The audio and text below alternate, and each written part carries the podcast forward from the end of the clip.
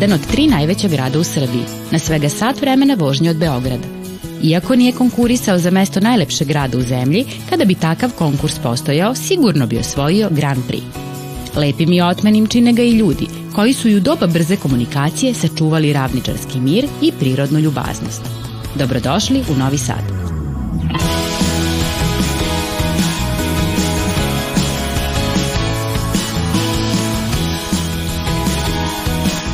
Junaci naše današnje priče su deca iz osnovne škole Ivan Gundulić iz Novog Sada. Sigurni smo da jedva čekate da ih upoznate. Mica voli tišinu. Hobio je crtanje, kaže da je to smiruje kad je sama, jer se tada opusti i ima vremena za razmišljanje. Najviše crta porodicu i prirodu. Želja je da postane slikarka i da bude poznata po svojim delima. Vanja je budući poznati futbaler, bar mu je to san, a mi mu želimo da se ostvari. Futbol igraju u svakoj prilici. Kažu da je borben, uvek daje sve od sebe i ima snažan šut. Navija za Vojvodinu. Iskra, sjajna i puna energije, obasjava svetlošću i toplinom. Voli rock muziku i često sa tatom sluša stare pesme. Obožava da piše svoje priče i da čita knjige. Luna, jedna sanjarka kao što i samo ime kaže, a znači mesec. Voli da svira gitaru, pa je ove godine upisala muzičku školu. Njen najdraži prijatelj je pas Lulu, koji uživa u njenom krilu dok ona stvara nove melodije. Ja sam Nikola, rođeni avanturista.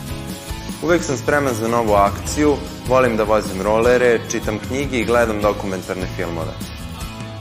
Učenik sam trećeg razreda gimnazije Jovan Jovanović Zmaj. Mnogo me zanimaju istorija i geografija i obožavam da putujem, upoznajem nove ljude i uživam u prirodi. U ovoj sezoni bit ću deo ove avanture, tokom koje ćemo naučiti mnogo zanimljivih stvari, novih reči i običaja i siguran sam dobro se zabaviti.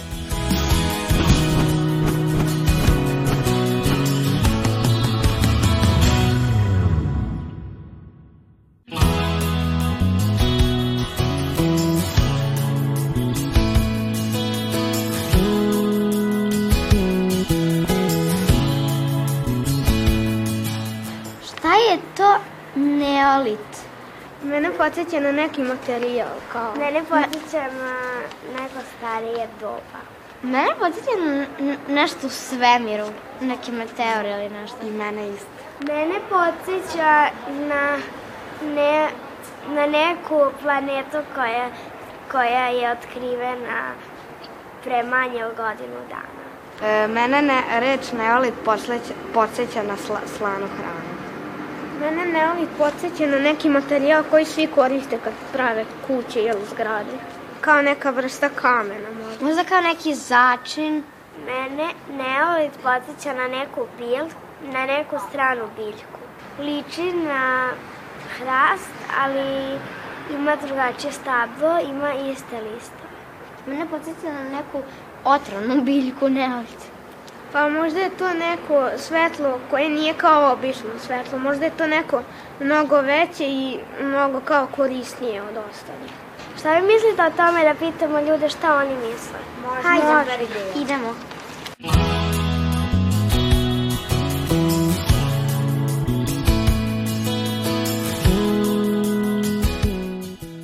Da li možda znate šta je neolit? Neolit šta je? Da. E, period u razvoju čoveka, odnosno ljudskog društva, kameno doba. Da, pa to je neki stari vremenski period, tako nešto. Znam. Neolit. Ne znam.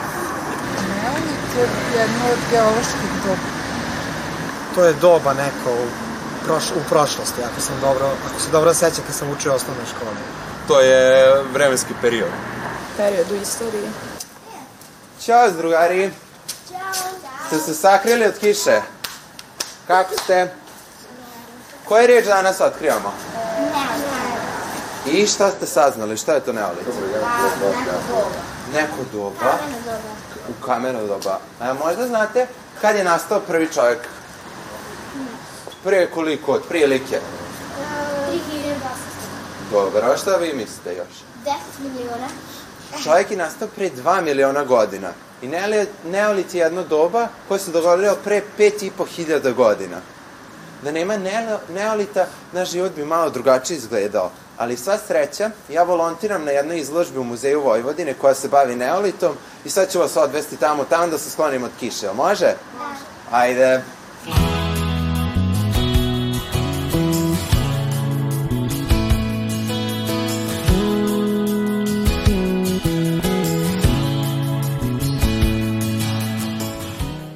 Dobar dan, društvo. Dobrodošli u muzej. Hvala.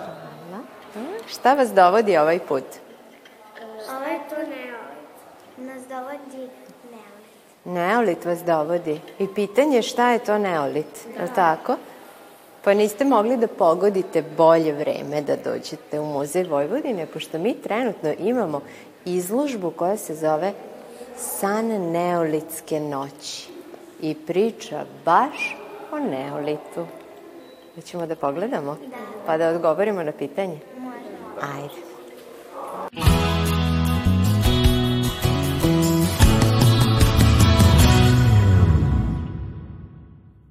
Pa znači šta je neolit? Neolit je jedno daleko vreme u praistoriji. Jedan poseban period praistorije kada se sve promenilo. Odnosno kada su ljudi počeli da žive onako kako mi živimo danas. U svojim kućama, u svojim mestima, nisu više morali da trčkaraju okolo neprekidno sakupljajući hranu, nego su naučili sami da proizvedu hranu. A šta mislite, su mogli to sami da nauče tek tako? Ili im je možda neko pomogao? A znate ko? Možda neka druga država. Bravo. Drugi narodi koji su živeli evo ovde, ovo je u Aziji, na kontinentu koji se naslanja u Evro, na Evropu. Ovde su živele kulture koje su već naučile da same uzgajaju žitarice. Znate da nekada nisu bile domaće divlje životinje, sve su bile divlje. Pa su neke ljudi prepitomili, jeste, pa su neke ljudi prepitomili i postale su domaće. Tako i biljke.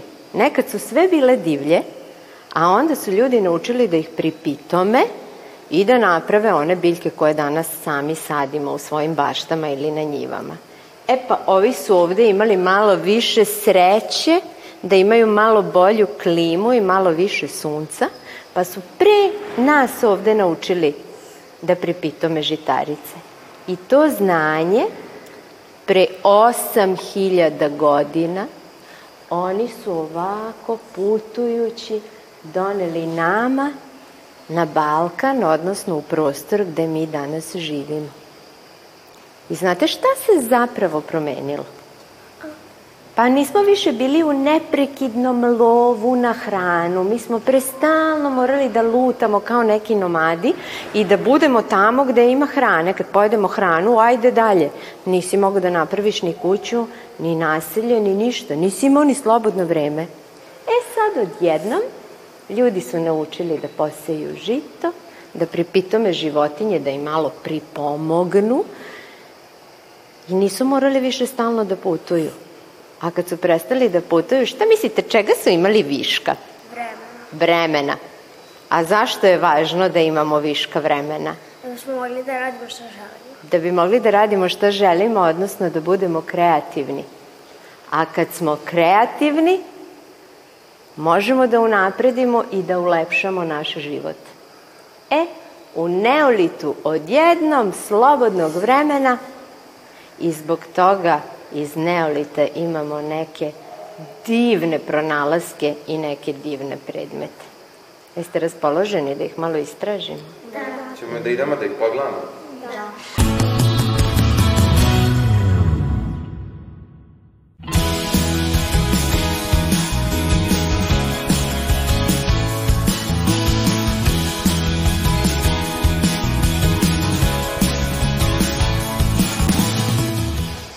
Pa rekli smo da je prva velika stvar koju su ljudi naučili u neolitu jeste da pripitome žitarice. Da vremenom nauče da ih zasade sami i da ih poženju i da ih čuvaju i da imaju hrane tokom cele godine. A ja imam za vas pitanje, šta mislite kako su oni naučili da žitarice mogu da se zasade? Hm? Možda zato što su nalazili ovo seme, Bravo. pa su onda kopali zemlju, možda su mislili da će nešto da se desi. Ili samo idu usput i na putu im ispada seme i oni shvate da tuda kuda su prošli da je nikla pšenica i onda vremenom, nisu to oni danas videli pa sutra naučili, nego vremenom kad su videli da se to stalno dešava, shvatili su da ako oni odaberu gde će da ispuste to seme, da će im tu nići žita. I onda su ga počeli saditi. I onda su ga počeli žnjeti i iz njega vaditi ovaj plod. Šta se pravi od žita? Brašno. Brašno. Shvatili su onda ako ga izmrve i ako naprave brašno, da se od tog brašna... Kako su mrvili? Pa bili su kreativni, pa su izmislili mlin, Jeste videli nekad mlin kako izgleda? praistorijski mlin. Jeste videli nekad praistorijski mlin? A? Jeste spremni da vam ga pokažem? Da. Ajde, idemo da vidimo praistorijski mlin.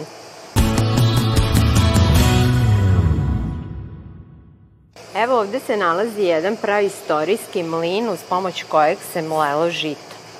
Vidite ima jedan kamen i jedna kugla okrugla s kojom ste ovako prelazili preko tog zrnjevlja i mleli ga.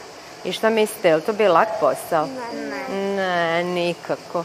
I onda malo kad je prošlo ovog praistorijskog vremena, onda su ljudi naučili da ga brže izmelju ako umesto ove kugle uzmu još jedan kamen, pa ovako stave dva kamena, pa onda stiskaju, pa se melje žito. Veća površina se izmelje, pa ide malo brže. I znate šta je meni jako zanimljivo ovde u muzeju?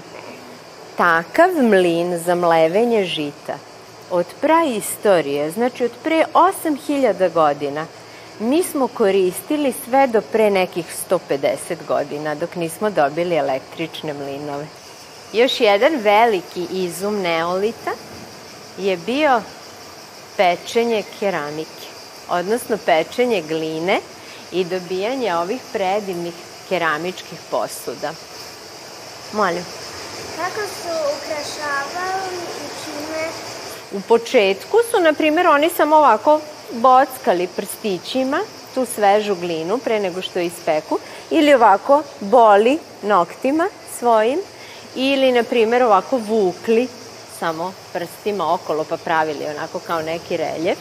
Ali vremenom kako su eksperimentisali, oni su naučili da koriste razne alatke, pa da mogu recimo s tim alatkicama ovako da iscrtavaju glinene posude, odnosno keramičke posude, a onda su naučili i tako da ih lepo izglačaju, da se one sijaju, sijaju kao da imaju preko sebe neku glazuru.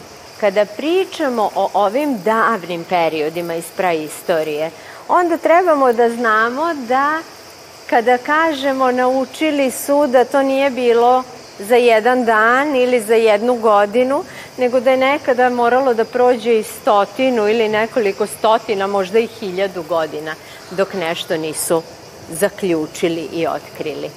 Ali zato znamo sigurno da su oni znanje prenosili jedni na druge, pa onda svako nauči još nešto malo i tako vremenom olakšamo i ulepšamo sebi život i to onako baš, baš.